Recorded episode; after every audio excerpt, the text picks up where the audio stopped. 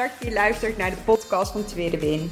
Als je net als ik geïnteresseerd bent in persoonlijke ontwikkeling, alles wat je kunt leren op het gebied van mindset en het afvallen zonder het volgen van een dieet, dan ben je hier precies op de juiste plek. Ik ben Atsje, getrouwd, moeder van twee jonge kindjes en door middel van deze podcast stap ik precies uit mijn comfortzone. Ik heb er super veel zin in. Let's go!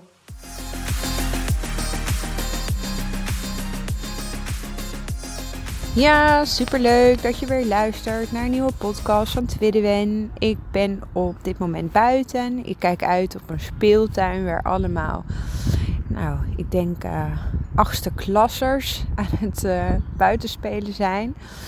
Ik hoop dat je niet te veel last hebt van de wind en van de, de geluiden van de kinderen. Um, maar ik voelde nu heel erg de behoefte om een podcast op te nemen. Dus ik dacht, ik ga het gewoon doen. En um, eigenlijk heeft dit als titel. Um, er is geen oorzaak. Oftewel, er bestaat eigenlijk geen oorzaak. En dat klinkt heel gek, want we zijn eigenlijk heel vaak op zoek naar oorzaken. We willen dingen logisch maken, we zoeken ergens controle, we willen ergens zekerheid uithalen.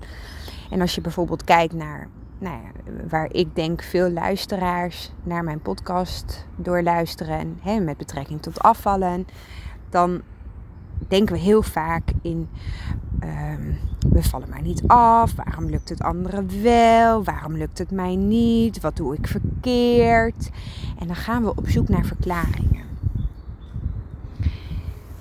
Ons brein is altijd op zoek naar verklaringen.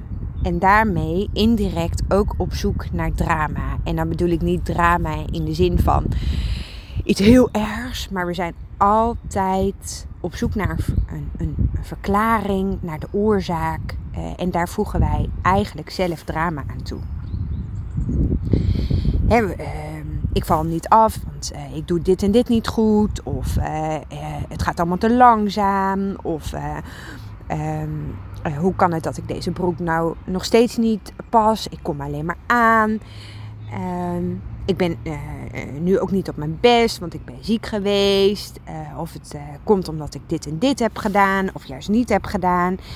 En voordat je het weet, zijn we eigenlijk allerlei redenen aan het bedenken waarom dingen zo gaan zoals ze gaan. Ons hoofd, ons brein is altijd op zoek naar drama, op zoek naar bevestiging voor die verklaring. En daardoor Um, als er een bepaalde situatie zich voordoet, gaan we eigenlijk als het ware allemaal wagonnetjes vullen met die drama, met verklaringen voor eh, de oorzaak. We maken er nog meer verhalen bij, we maken het nog groter, we blijven malen, we blijven twijfelen. Wat had ik anders kunnen doen? Of ik kan dit niet. En wat we eigenlijk doen is alles uh, bij een bepaalde situatie halen, omdat ons brein eigenlijk zo werkt. En ik wil je even meenemen naar een voorbeeld van dit weekend. Um, wat ik ook deelde in mijn stories. Het was trouwens heel toevallig dat ik mijn telefoon bij de hand had. Uh, ik was, uh, het was zaterdagochtend.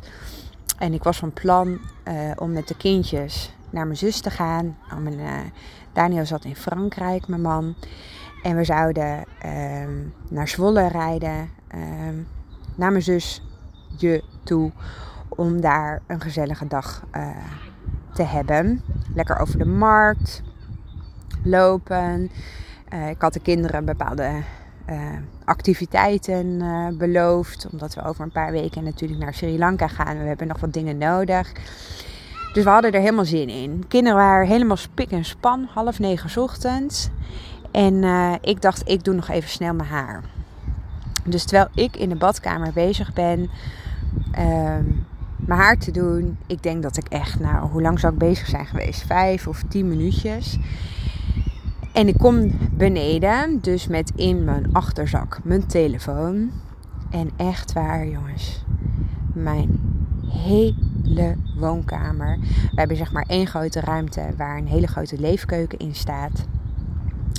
En uh, de oudste Jurre die had een, uh, nou ja, we hebben zo'n uh, keukentrapje. Want ik ben 1,65 en mijn kasten zijn echt tot aan het plafond. Nou, we hebben een nieuwbouwhuis, dus je kunt je voorstellen, het is 2,40 meter. Ik kan lang niet overal bij. Dus zo'n keukentrapje heb ik soms echt nodig om in de hoogste kasten te kunnen komen. En Jurre had dus het keukentrapje gepakt. Die had hem voor de koelkast geschoven. Die was op het keukentrapje geklommen. En die had er echt van alles en nog wat uit die koelkast gehaald. Waarin vervolgens de jongste had bedacht: Oh, dat is handig. Want ik heb ook een keukentje. Dan kan ik ook dingen maken met wat er uit die koelkast komt. Dus.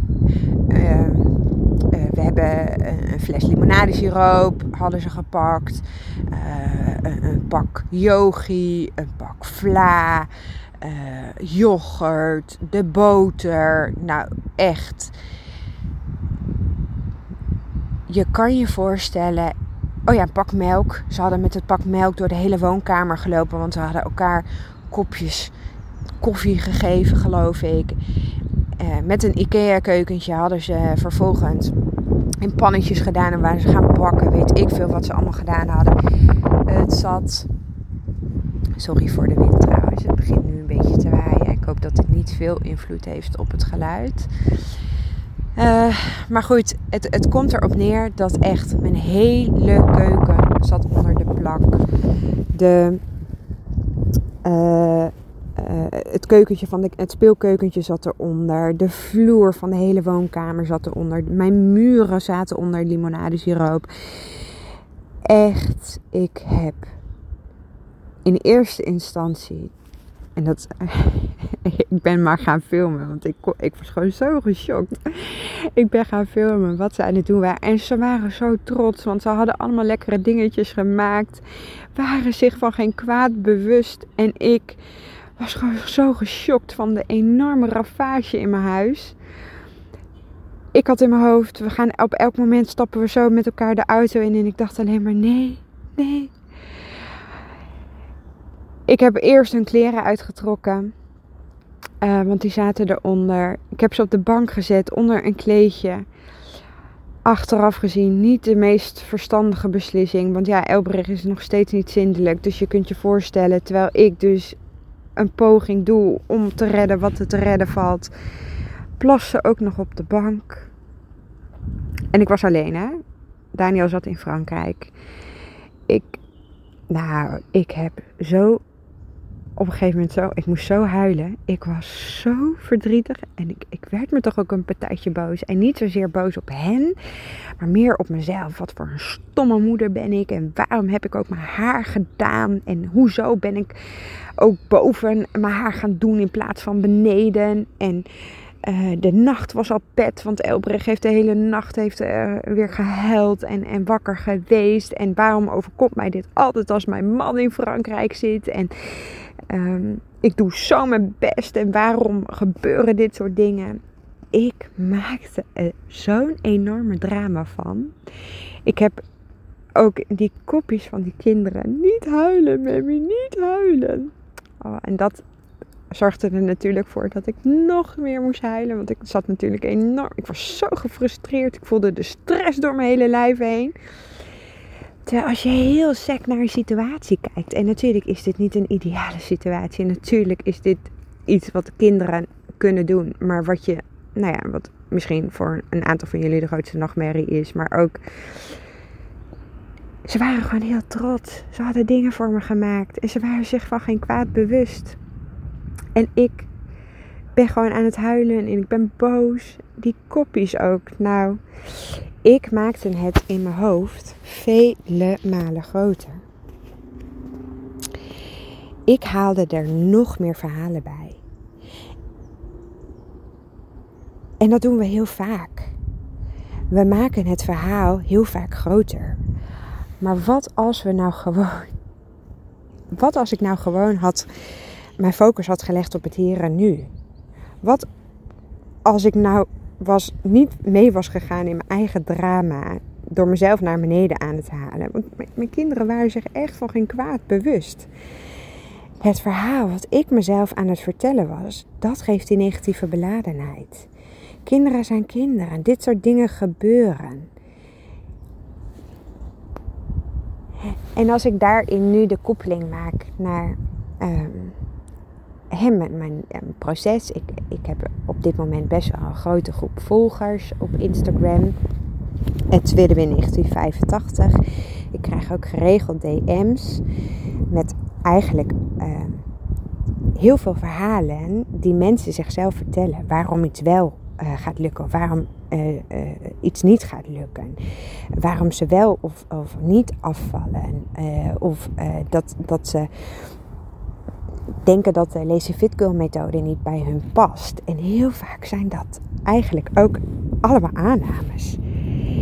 En helemaal geen helpende aannames. Want als je echt wil wilt kijken naar de oorzaken, dan, dan zul je echt heel eerlijk naar jezelf moeten kijken. Welke verhalen vertel je jezelf? Welk drama voeg jij zelf toe? Want vaak zijn het juist die verhalen die je zelfvertrouwen aantasten, waardoor je jezelf naar beneden haalt. En, en, en, en, en we zijn heel erg op zoek naar controle. En, en nogmaals, het betekent absoluut niet dat ik het niet meer doe. Soms komt het, nou ja, zoals afgelopen weekend, als een snelkookpan naar boven. Ik heb alleen de keuze om hierin mee te gaan of het te laten gaan. Het, het is ook heel menselijk. En toen ik, uh, ik, ik ben geloof ik uh, na anderhalf uur poetsen, dacht ik, ik, ben, uh, ik stop hiermee. Ik, ik moet uit deze situatie, ik moet die drama los durven te laten. Ik heb de kinderen aangekleed, we zijn gaan ontbijten midden in de zooi. Ik heb vervolgens hun in de auto gezet en we zijn alsnog naar mijn zusje gereden. En we hebben echt zo'n relaxte middag samen met elkaar gehad. Vervolgens komen we thuis, heb ik ze uh, op de bank achter een filmpje gezet. En heb ik nog een uur flink geboend en gepoetst. En toen was het klaar. Dit is wat het brein heel vaak doet. Ik was me alleen op dat moment er gewoon ook niet van bewust. Maar dit is ook wat tijdens het afvallen en tijdens een, een, een, een verandering van je leefstijl, dat proces, dat, dit soort verhalen doen we altijd. Ons brein is altijd op zoek naar drama. Altijd op zoek naar die negativiteit. Om nou ja, je te vertellen dat je dingen niet goed doet. En, en het is aan, aan jou en ook aan mij om daar wel of niet naar te luisteren. We kunnen er ook gewoon het registreren, deze verhalen. En, en, en ervoor kiezen om er niks mee te doen. Het los te laten. Registreer die verhalen of die gedachten en die gevoelens. Zonder dat we daar zelf weer verklaringen of oorzaken en, en beladenheid aan, aan toevoegen. Het, het geeft namelijk echt zoveel meer rust en stabiliteit op het moment als je er verder niks mee doen, doet. Niet allemaal drama toevoegen, niet allemaal ruis toevoegen. Het is gewoon een situatie. En het werkt echt zo ontzettend ontnuchterend als je er zo naar durft te kijken. Ik heb wel eens eerder gezegd, hoe meer jij de drama, en dan het drama bedoel ik echt niet negatief of groot of, of ook een bepaalde beladenheid, maar hoe meer jij jezelf het verhaal vertelt dat dit jou toch niet gaat lukken of dat je toch niet gaat afvallen en dat je toch voor altijd, nou ja, dik blijft. Het verhaal wat ik mezelf jarenlang uh, heb verteld, dat saboteert je eigen proces. Afvallen heeft namelijk in de kern echt niks met eten te maken, maar zoveel meer met je mindset. Door die stress die jij jezelf geeft, door de verhalen die jij zelf in stand houdt, daar reageert je lijf op. En het is die weerstand en, en die, die, die, die negativiteit, die, die patronen, die overtuigingen die vervolgens ervoor zorgen dat je bepaalde acties gaat doen waar je weer in een bepaalde vicieuze cirkel terechtkomt. Dus wees je eens bewust. Hoe vaak voeg jij zelf bepaalde drama toe? En dan drama tussen aanhalingstekens. Welke verhalen vertel jij jezelf? Durf ook gewoon eens naar een situatie te kijken zoals die is. Oké, ik pas mijn broek nu niet. Dat is ook. Waarom zou je daar allemaal negatieve gedachten aan koppelen, negatieve gevoelens en, en het lading geven? Waarom kies je er niet gewoon voor om een andere broek aan te trekken? gewoon even iets heel simpels. Of uh, wat als er een bepaalde situatie op je werk voordoet of, of in je um, relatie. Wij zijn degene die er altijd oorzaken en verklaringen aan koppelen. En altijd op zoek gaan nou ja, naar, naar een soort van focus op, op die negativiteit. In ieder geval voor mij een heel mooi leerproces weer dit weekend, wat ik je heel graag mee wilde geven. Het werkt gewoon echt zo veel relaxter als je jezelf gunt om gewoon naar een situatie te kijken zoals die is, zonder daar meteen allemaal oorzaken of gevolgen aan te koppelen of, of, een bepaalde beladenheid. Dat wilde ik even meegeven. Dank je wel weer voor het luisteren van vandaag. En ik spreek je morgen weer. Doei doei.